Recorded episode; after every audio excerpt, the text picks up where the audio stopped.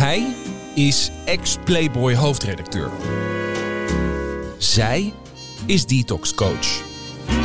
En dit is Wat wil je drinken?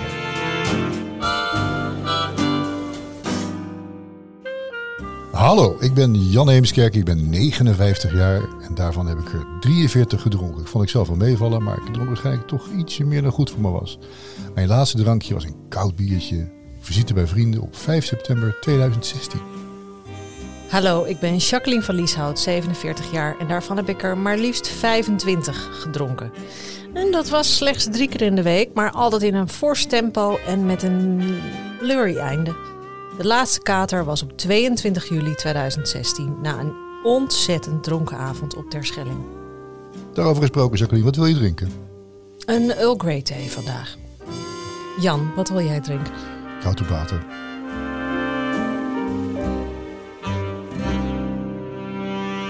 Nou, we hebben natuurlijk al vijf afleveringen gemaakt waarin we uitgebreid gesproken hebben over hoe wij, Jacqueline en ik, zijn gestopt met drinken.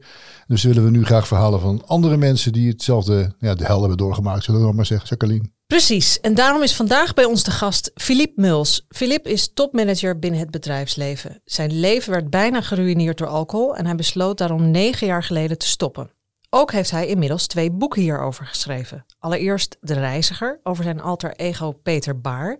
En in zijn nieuwe boek Drinkt u iets gaat hij samen met Mirjam Bruinings de lezer meenemen in het verhaal van Mirjam, een verslavingsgevoelige therapeute met een missie, en haar cliënt Philip, een vlotte carrièrejager en probleemdrinker wiens succesvolle leven aan een zijden draadje hangt. En ik kan jullie vertellen, ik kon hem niet neerliggen. Als dat Philip. geen, als dat geen eh, soap opera wordt. Nee, echt fantastisch. Philip, fijn dat je er bent. Dank je, Jacqueline en Jan. Wat wil jij drinken? Ik wil ook wel een theetje. Goed. Nou, om maar met de deur in huis te vallen zoals wij altijd doen, kun je vertellen over je laatste drankje. Even. Natuurlijk. Eh, mijn laatste drankje was op eh, 22 mei 2013, dus inderdaad eh, meer dan negen jaar geleden. En eh, ik was toen op weg naar een opnamekliniek in België. En ik had nog een eh, fles cava mee om ja, te vieren dat ik eh, ging stoppen met drinken. Dus ik heb heel die fles cava nog, eh, zelfs, te- zelfs in de wagen en ook nog op de parking, eh, op het parkeerterrein van die opnamekliniek, helemaal leeg gedronken. Dat was mijn laatste drankje. Nou, dat is wel een statement. Ja, en ja dat, dat herinner ik mij ook heel goed, want ik bood me dan aan aan de receptie om, om mijn opname te beginnen en men rook onmiddellijk dat ik nog, geroken, nog gedronken had. Met gevolg dat ik direct eh, vier uur in eh, isolatie mocht. Jeetje. Geweldig, heb je die isoleercel betekent. mooi begin, Ja, mooi prachtig. begin, ja. Oké, nou dan spoelen we een behoorlijk eind terug, denk ik. En dan eh, gaan we kijken naar het eerste alcoholische verstapering die je ooit proefde. Ja, dat herinner ik mij ook heel goed. Dat was tijdens een zomervakantie in Zwitserland. Ik had echt letterlijk op mijn 17 nog nooit gedronken. Nog zelfs geen biertje, laat staan wijn of iets, eh, iets sterker. Dat is uniek in België, denk ik. Ja, toch? misschien niet in die tijd. Hè. We spreken hier toch over eh, 35 jaar geleden. En ehm, ja, dus ik was op eh, zomervakantie. We zaten met een groep hè, in, de, in de bergen te lunchen eh, aan een rivier. En het was een visrestaurant. En men kwam daar eh, met, met karaffen witte wijn. En ja, dat was mij vreemd, maar dat zag er goed uit. En ik, eh, men vroeg mij, wens, wens je eens te proeven? Ik dacht, ja, eigenlijk wel, maar ik weet niet hoe het smaakt. Ik heb dat geproefd. En de smaak beviel mij niet, hè? maar de, het effect des te meer. Dat effect proef ik nu nog terwijl ik het aan het vertellen ben. Ja, Namelijk het effect van kalmte en rust. En dat geen- was er meteen. Ja, Ja. ja. Na die Kalmte eerste, en rustig, grappig. ja, dat is, dat is waar ik eh, drank, wijn, bier enzovoort meest mee associeer. Dat is niet zozeer met euforie, maar eerder met kalmte. Kalmte en tot rust komen. Ja. En zorgen vergeten, ontsnappen uit je hoofd. Dat is mijn... Maar was je een beetje zorgelijk type tot dat moment? Absoluut wel, ja. Tijdens mijn jeugd heel veel eh, gepieker, heel veel eh, overthinking. Ehm, ik ben ook nog, eh, nog naar school geweest op een jongensschool met, met, eh, met een streng katholieke inslag. En dat deed mij wel piekeren. En die zorgen die verdwenen als sneeuw bij de zon, in de bergen dan, bij dat eerste glas wijn. Ja. Ja, dat snap ik. En werd het snel een gewoonte daarna? Want je kwam terug in België. Hoe? Absoluut wel. Ja. Absoluut wel. Eh, vrij snel daarna ben ik dan in, eh, in Leuven, hè, de universiteitsstad in, in, Ja. in België, gaan studeren. En natuurlijk een studentenleven, dat komt ook met eh, heel makkelijk Ja. drinken. En hoewel ik mij amuseerde met de anderen, merkte dat ik ook op mijn, op mijn, eh, op mijn kot, zoals wij zeggen in België, op mijn kamer, kamers, denk ik dat jullie zeggen, eh, ook daar begon te drinken. Gewoon Ja. om kalm te blijven. Alleen ook. Alleen of met vrienden, maar in ieder geval een, er, on- er ontstond een, een patroon. Het was niet sociaal, het was niet occasioneel, het was ja, continu. Ja. Ja, om, om, om, om, om kalm te blijven, dat klinkt al best problematisch. Dat, dat was van in het begin, denk ik, problematisch bij mij. Ja. Bizar, ja. Dat patroon, dat, dat, eh, dat werd functioneel. Dus het drank was niet zozeer plezier, dat, was een, dat, had, dat had een functie, een bepaalde functie bij mij. Ja, en tijdens je studententijd kun je natuurlijk goed, goed praten, want iedereen drinkt. Ja, En- dat valt niet op. Dat Nee. valt niet op. Eh, ik had toen een vriendin en die, dat weet ik nog goed, die zei wel, je drinkt te, te regelmatig. Hoe vond je dat, dat ze dat zei? Te confronterend. Ja. Want eigenlijk wist ik het ook zelf al, dat ik eh, abnormaal continu dronk. Gooi je daar eens een cijfer tegenaan. Hoeveel dronk je dan? Ik denk dat ik toen per dag toch al een, een wat we zeggen, drie, vier, drie, vier eenheden. Hm. Dat kon wijn, dat kon zware bieren, hè, van die eh, duvel bijvoorbeeld, dat kennen Belgisch bier noemen, ja. Ja, ja, ja. Belgisch bier, ja. Zo drie à vier eh, per dag, ja. Met dan eh, pieken of uitschieters van veel meer als we dan natuurlijk met de, met de Ja. bende uitgingen. Hè. Ja, maar dit was je minimum. Ja, Per dat was eigenlijk mijn minimum debiet. Ja. Is dat dan ook 's ochtends al? Of is dat, nee, op die, op die, in die periode niet. Nee, dat, be- dat beperkte zich tot s'avonds. Toen had ik ook geen enkel... Ja, als je bent jong en je bent fit enzovoort. Ik had Ja. geen bijverschijnselen in de zin van weinig katers. ehm, niet trillen of, of zenuwachtig worden s'morgens als je niet kan drinken. Dat was er nog niet bij toen. Dus het bleef bij een soort verbale waarschuwing van je vriendin, die je ook vrij gemakkelijk naast je kon. Die, die ik negeerde, die ik negeerde, maar eh, die vriendin is niet mijn vrouw geworden. Die moest eruit. Ja. En kun je dan schetsen, goed, je hebt gestudeerd, je gaat werken, nou, je hebt natuurlijk een prachtige carrière gehad. Heb je voor je gevoel een soort omslagpunt van, vanaf dat moment? Of is dat heel geleidelijk? Heel geleidelijk. Dus ehm, eh, mijn carrière heeft zich inderdaad mooi ontwikkeld, hè, heel internationaal ook. En ik merkte dat drinken mij ook beter deed functioneren, hoe vreemd ook. Hè. Altijd met mate, daarmee bedoel ik veel te veel, maar niet uit de hand lopend. Niet dat ik hè, zat of dronken op de job verscheen, men merkte dat niet. Vele mensen hebben nadien gezegd, wij wisten van niets. Terwijl Heb ik daar niets van gemerkt? Nee, terwijl dat ik toen veel, veel meer, meer dan 10, meer dan 12 eenheden per dag dronk. En toch merkte niemand mij, dat aan mij. Eerder nog, ik, ik werd ja, beter functionerend en heel kalm en heel rustig. En hoe hoger de spanning, hoe beter ik me voelde met af en toe een glas. Ja, en dan was een glas dus genoeg. Dus je zegt 10 tot 12 eenheden. Dat was dan niet tussen 5 en 8, neem Nee, ik aan. nee dat, dat begon dan tijdens de lunch. Hè, tijdens, de, tijdens de werklunch. Hè, en dan eventueel in de namiddag nog iets en dan s'avonds uh, de rest. Je moet hebben geweten dat dat alleen maar komt bij de gratie van de drank. Of niet? Juist. Juist. Je bedoelt dat functioneren. Ja. Ja. Ja, wel, misschien zou ik kunnen functioneren zonder drank, maar ik heb het nooit geprobeerd. Het was er zo ingebakken, het werd zo'n patroon, dat ik zelf niet probeerde met de minderen. Af en toe zei mijn huisarts natuurlijk van, hè, dit, is, dit komt niet goed. Hè? De leverwaarden zijn niet goed, je bent aan het verdikken. Dit is voor op geen enkele manier medisch, hè, medisch goed te praten. En dan werd ik heel ongerust en dan ja, probeerde ik iets minder te drinken, hè, maar nooit echt een serieuze poging. Ja, maar er ligt ook nogal een, nogal een uh, gevaar op de loer in jouw eigen geest natuurlijk. Dat zegt van, ja, als ik stop met drinken heb ik een gigantisch probleem. Dat was zo. Dat, dat leek onmogelijk. Dat leek, dat leek de hel. Dat leek de hel, dat stoppen met drinken. Dat leek gewoon onmogelijk. Um, en tegelijk was ik dus super bang dat ik zou ziek worden, dat ik zou um, ja, een van de vele kenmerken van een langdurige drinker krijgen natuurlijk. Hè. Korsakoff of, of ja. levercirrose, dat soort van dingen. Ik was me daar zeer goed van bewust, maar dat hield mij absoluut niet tegen. Wat hield je uiteindelijk wel tegen?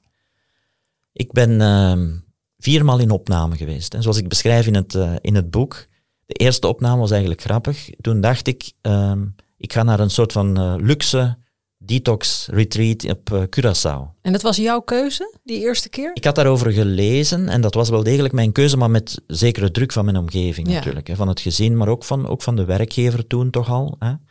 En uh, ja, dat was een, eigenlijk een Nederlandse organisatie die dat uh, organiseerde.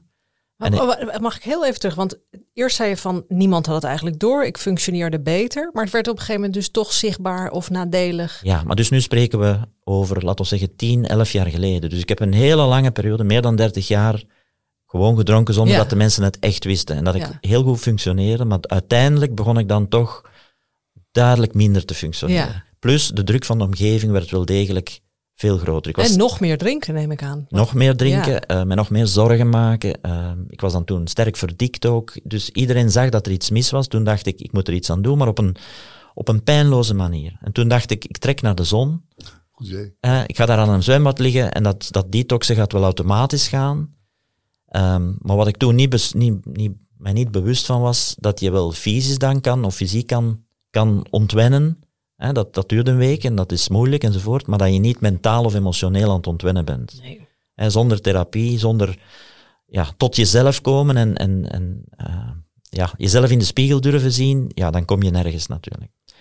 Dus op het vliegtuig terug hè, uit Curaçao ben ik al terug beginnen drinken. Samen met ongeveer al de anderen die daar Oh, waren. echt? Ja, Succesvolle kliniek, ja. ja.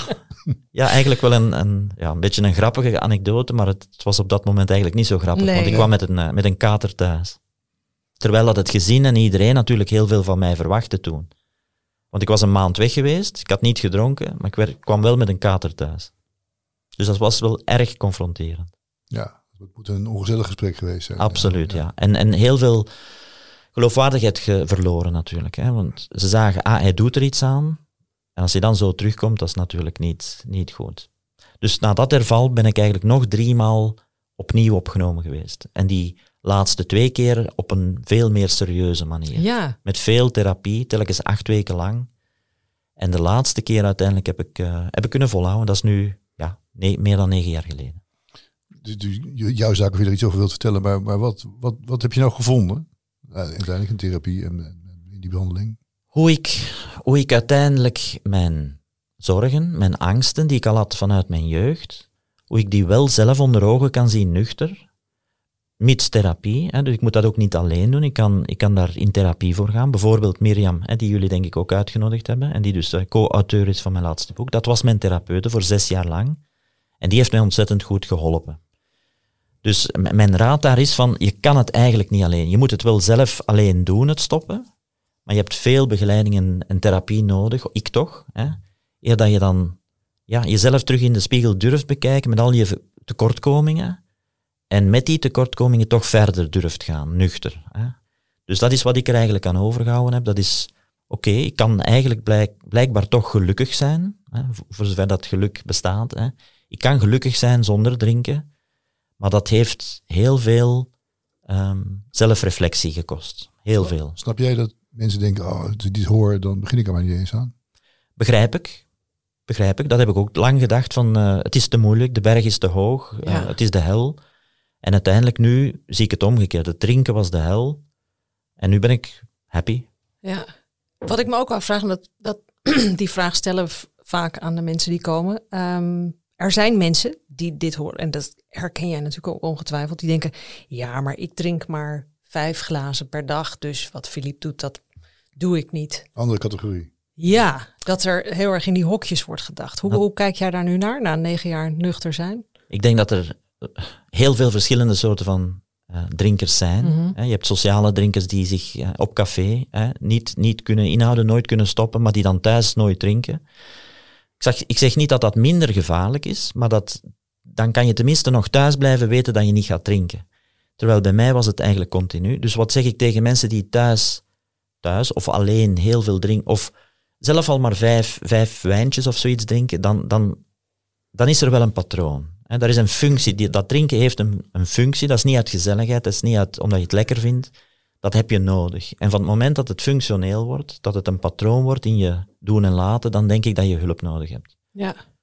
En heb je gemerkt ook tijdens je werk, ehm, ik duid even op een prachtige anekdote die ik in je boek vond, ehm, dat je dacht, ik moet eigenlijk drinken nu op dit moment. Ja. ja Kun dus, je daar eens een voorbeeld van geven? Absoluut. Dus ik, eh, ik heb heel veel gereisd en op die reizen dan, dan word je al eens uitgenodigd, uiteraard door, eh, door topmanagement van andere bedrijven, van klanten, maar ook van je eigen bedrijf. En ik zat zo in Duitsland op een, eh, op een soort van, na een boardmeeting was er een soort van formele dinner met heel hooggeplaatste eh, topfunctionarissen, zullen we maar zeggen, uit het Duitse bedrijfsleven. En daar viel ook iets te vieren. Hè. Het waren goede, we hadden goede resultaten, er waren grote deals afgesloten enzovoort. En op een bepaald moment, eh, ik had al gezegd, ik, ik drink niet, dus ik, ik hou het bij water. Of, hè. Dit was na je laatste Ja. eh, opname. Ja, ja, Dit, dit is eh, tijdens de periode dat ik nuchter Ja, ben. Dus toen stond je heel stevig Ja, in je schoenen. ik denk dat dat ja. nu een, jaar of vier geleden is ongeveer. Hè. En dus die, die kelner, die, die gaf me natuurlijk geen, geen wijn of zo, omdat ik het niet wou. Maar op een bepaald moment, die topmanager, de, de, de host van de avond, de gastheer, die zei, hè, we gaan... Ik heb hier een heel speciale cognac laten, eh, laten bestellen. Hè, een heel dure, dure cognac. Het was meer dan 1000 euro per fles, dus belachelijk duur eigenlijk. Want we hebben iets te vieren. En eh, dat was een heel protocolair ehm, eh, ceremonie bijna om dat in te schenken in heel speciale glazen. Je kent dat wel. Hè? En ik, het, Tuurlijk, het ja. zweet brak mij al uit, want ik zag het al komen. Hè?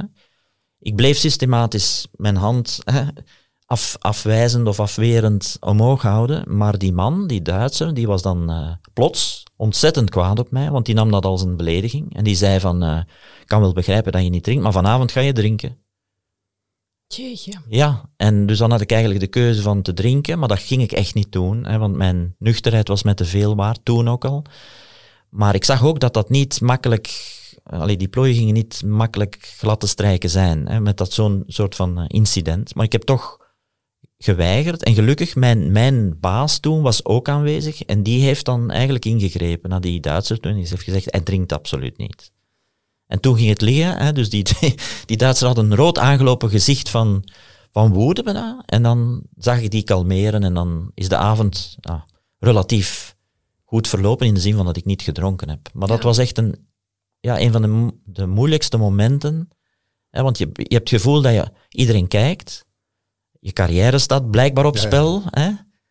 Je beledigt iemand die je beter niet beledigt. Nou ja, eigenlijk slechter dan dat wordt het niet. Hè? Maar als je daar dan doorgaat, dan denk je, oh, kijk. Nou, ik weet ook wel dat inderdaad, ik heb daar wel geluk mee gehad. Ik was al eh, weg bij mijn toenmalige baan voor ik stopte met drinken. En dat, is, dat heeft het zeker makkelijker gemaakt. Dat, Ja. je, dat je daar niet continu mee... Ja, maar als ik nu ga tellen hoeveel persreizen, eh, lanceringen, verzin het allemaal maar, ik, eh, ik per week zou kunnen aflopen nog altijd. Juist. Ik ga niet natuurlijk, maar Nee. Het is, het is, ik zeg het omdat het zo verbijsterend is dat het nog altijd de norm is. Eigenlijk wel, hè. Sociaal gezien, ik, ik zeg altijd, ik denk dat ik het ook in het boek zet, eh, eh, als je stopt met roken, dan krijg je ongelooflijk veel felicitaties. Hè? Want iedereen vindt dat een smerige gewoonte en, en dat is ongezond en je bent dapper en flink dat je dat kan stoppen.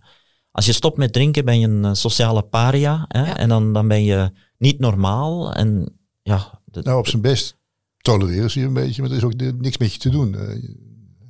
Ja, je wordt, er wordt een whisky, whiskyproeverij, er is een, eh, nieuwe wijn gelanceerd. er Juist, is, eh, ja. Alles is drank. Je, Ja. je zou het niet eens kunnen ontwijken, want dan kom je dus continu Ja. in van die situaties dat mensen zeggen, ja, wat ongezellig. Het, stel je voor dat je zou komen voor het eten en je denkt, ik drink niet mee. Dat ja. is nog niet goed. Nee, dat is niet goed. Hè. En, en Heel vervelend. Op een receptie bijvoorbeeld, hè, het, het komt in België bijvoorbeeld regelmatig voor dat, dat die kelner met zijn, met zijn dienblad, dat daar niets op staat dat geen alcohol heeft. Ja. Of zo'n fruitsapje dat ik niet graag drink. Zo, Nee, zo'n- precies, ja. Ja, het, het ge- gekste is nog, dat ze komen het meestal één keer vragen bij ons. En dan zeg je, nee, sorry, dank je, ik, ro- ik drink niet. Maar dan komen ze nooit meer terug om te vragen of je misschien een frisje Juist, wil. ja. Dus Ja, dat is- je je dat verdorst daar dan ook meteen. Dat is dikwijls dat ik dan ergens moet in de keuken een, eh, een, een cola light of zoiets gaan zoeken. Ja. Inderdaad. Ja, ja, dat herken ik ook. En wat, wat, wat gebeurde? Er is natuurlijk een hoop gebeurd met je in negen jaar. Eh, ik snap alle voordelen als geen ander. Maar wat, eh, waarom kwam je op het punt van ik wil daar een boek over schrijven? Ehm, dus die eerste twee jaar waren voor mij wel moeilijk. En daarmee wil ik zeggen, het zat zo diep. Hè, mijn angsten, zorgen die ik altijd weggedronken had. Ik had die nooit, nooit durven onder ogen zien. Ehm, en ik denk dat dat misschien een verschil is met sommige andere mensen die na een paar weken of maanden nuchterheid er wel door zijn, zowel fysiek als emotioneel en mentaal, en die zeggen van ik voel mij happy. Bij mij heeft dat langer geduurd. En op een bepaald moment, hè, mijn therapeuten die zei, je moet, je moet een passie vinden. Je moet iets vinden om je op te focussen, in plaats van natuurlijk op drinken. Je moet iets vinden dat je, waar je goed in je flow zit. En ik wist dat ik van, van jongs af aan altijd graag geschreven had.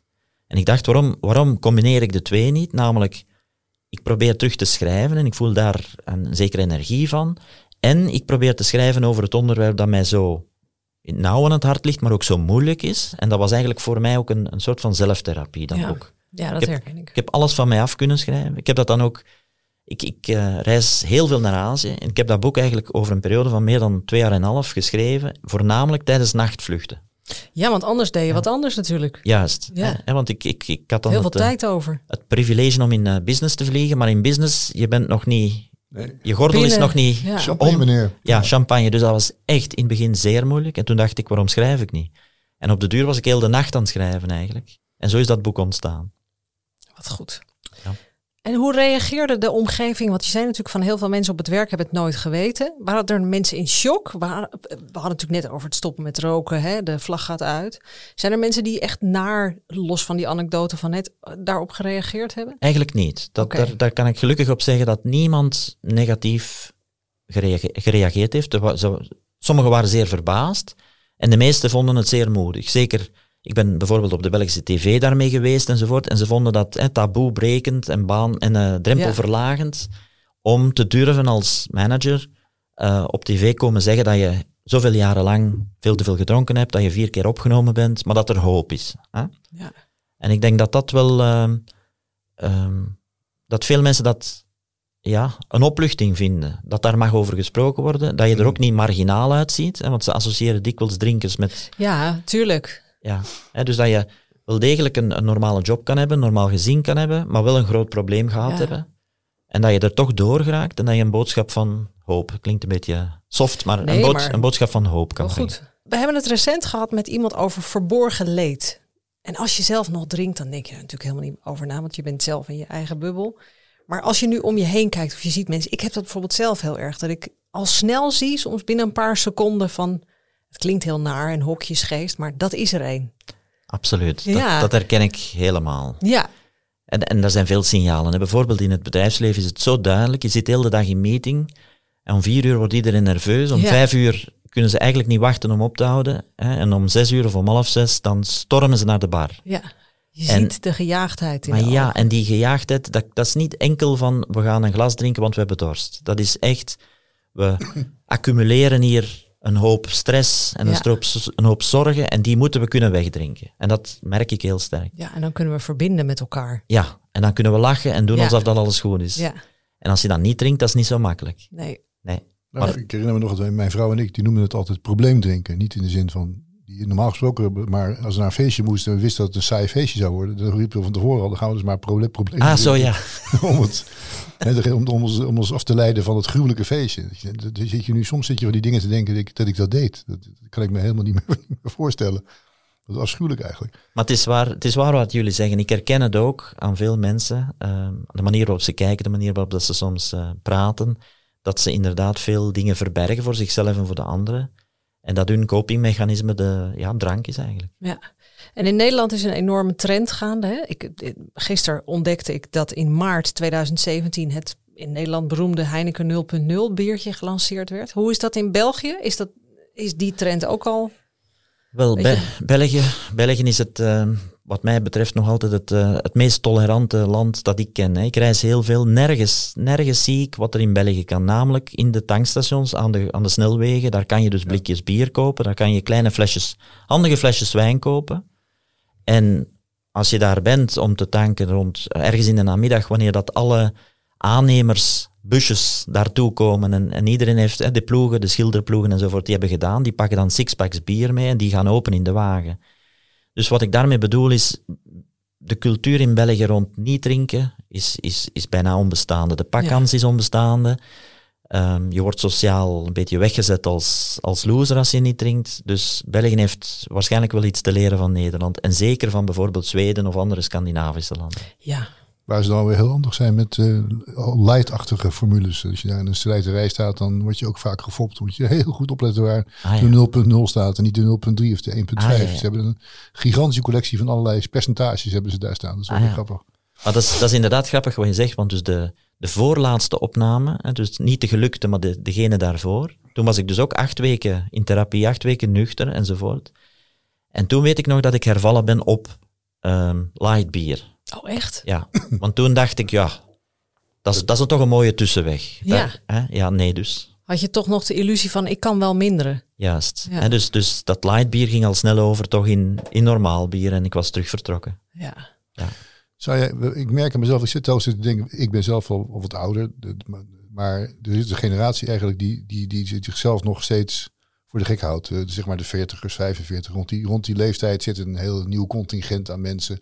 Die eigenlijk vinden dat ze hier nog wel mee door kunnen. Omdat ze nog jong zijn. Ze hebben nog iets niet dat gevoel dat je doodgaat als je een kater hebt. Dus er is een soort bravoure zit er in die club. Hè, dat, uh, wat zou je nou tegen die groep, groep willen zeggen? Uh, moeten we die mensen niet waarschuwen? Dat, het, dat, dat, ze maar beter wat eerder kunnen gaan beginnen? Of, of, of heeft dat geen zin? Um, wel, zoals jullie ook ongetwijfeld weten, de motivatie moet van, van jezelf komen. Hè. Waarschuwen, daar hebben, duizenden mensen hebben mij gewaarschuwd in die periode. Dat heeft eigenlijk weinig opgebracht.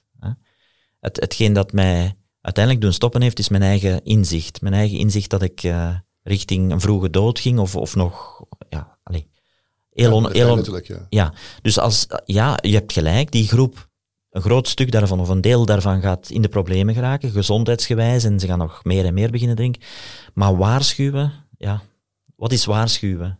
Iemand die drinken of drank heel sterk nodig heeft, die gaat niet stoppen omwille van een waarschuwing van iemand anders. Tenzij dat dat zodanig diep gaat, die waarschuwing, en zodanig dicht bij zichzelf komt, dat hij, misschien hij of zij misschien luistert.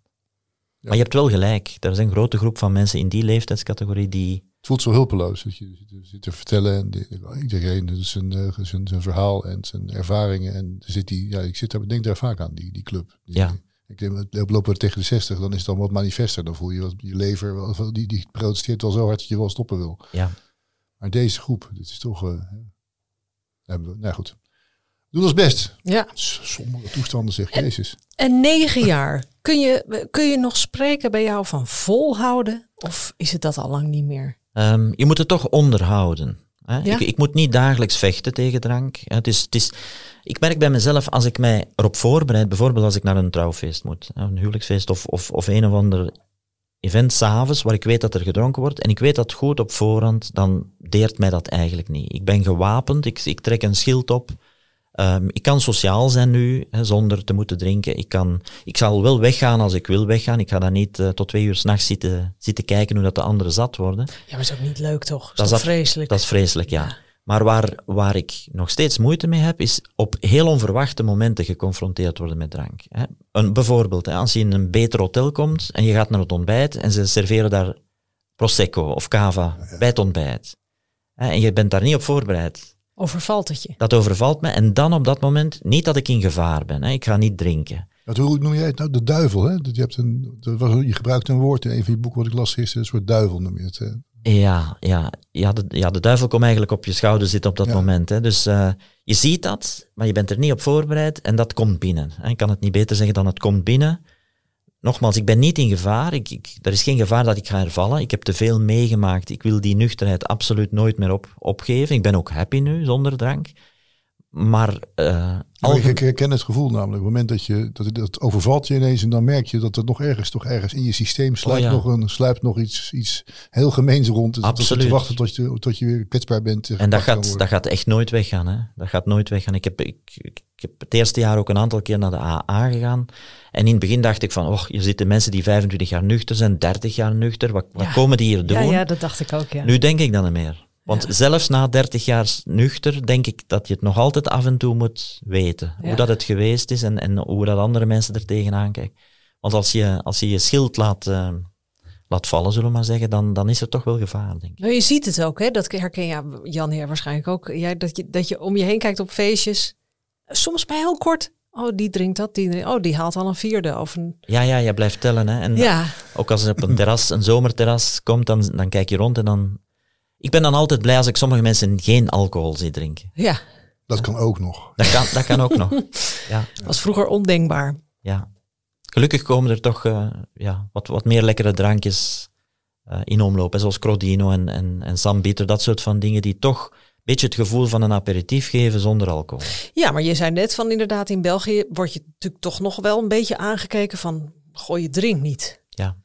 Toch? Dus hopelijk gaat die cultuur dan ook met haar tijd. Ik heb het gevoel dat hè, overdag als je op een terras zit, dat dat minder speelt. Dat de mensen al wel kunnen appreciëren of, of begrijpen in ieder geval dat je iets lekker iets anders drinkt. Maar s'avonds, als het echt ja, een feest is of als je, als je vrolijk moet doen met de rest, dan... Nee, maar net als de, de zakenlunches zie je ook veranderen. Ja, ja. Mijn tijd, zou ik maar zeggen, was dat, dat, dat, is logisch. Je ging naar wijn drinken in het duur restaurant. Dat hoorde gewoon. Ja. Dat is nu wel anders, denk ik.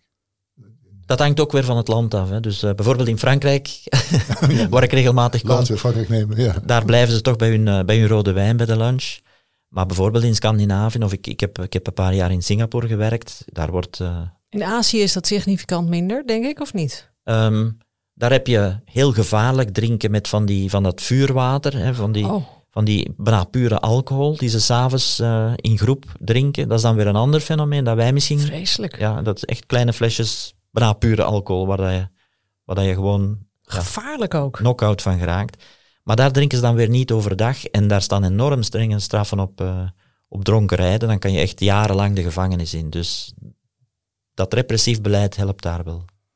Interessant, hè? Kun je nou, ehm, daar, daar ronden we eigenlijk altijd mee af, van in een paar korte zinnen of in één zin beschrijven waarom je echt gelukkig bent dat je niet meer drinkt. Ik heb mijn vrijheid teruggevonden. Dus uiteindelijk, het begint als een gevoel van vrijheid. Ik beschreef dat straks dat eerste glas wijn. Toen dacht ik, wauw, nu weet ik het. Nu heb ik het ontdekt. Nu kan ik gewoon gelukkig zijn, want mijn zorgen hebben geen, geen belang meer. Ik drink ze gewoon weg. En dat geeft een enorm gevoel van vrijheid in het begin. Naar gelang dat dat een patroon wordt en dat je vastzit in dat patroon en dat je angstig wordt als je niet de volgende fles wijn bij de hand hebt, als je nog moet rond gaan rijden om, om die te vinden. Als je, als je in een hotel komt en, en de bar is dicht, dat is een gevoel, een ongelooflijk gevoel van onvrijheid. En dan Gevangenschap. gevangenschap, ja. En dus nu, negen jaar lang, heb ik die vrijheid terug, teruggevonden en die geef ik nooit meer af. Mooi Prachtig. gesproken. En eh, dankjewel dat je hier wilde zijn bij ons. Heel graag gedaan. En daarmee zijn we dus weer gekomen aan het einde van deze aflevering. We hopen dat eh, jullie hebben genoten. Een beetje vreemd woord in dit verband. Dat je het jullie gaat helpen om stappen te nemen naar een leven zonder alcohol. Neem van ons aan, Jacqueline. Ja, eh, dat is eh, eh, een veel groter feest dan dat je je misschien nu kunt voorstellen, mocht je nog drinken. En ik wil jullie ook van harte aanraden om met name het laatste boek, ehm, eh, Drinkt u iets, van Philip Muls en Mirjam Bruinings eh, te kopen. Ik heb, kon het niet neerleggen, echt fantastisch, dat wil ik nog even zeggen. Mocht je na deze aflevering vragen hebben, kijk dan even op watwiljedrinken.nl. En we hopen, net zoals Jan ook al zei, dat jullie meer inzicht hebben gekregen in hoe wij en andere mensen tot een alcoholvrij leven zijn gekomen. Filip, wil je nog wat drinken? Nog een eh, bruiswater, alsjeblieft. En Jan, wil jij nog wat drinken? Nee, dank je. Ik heb genoeg gehad.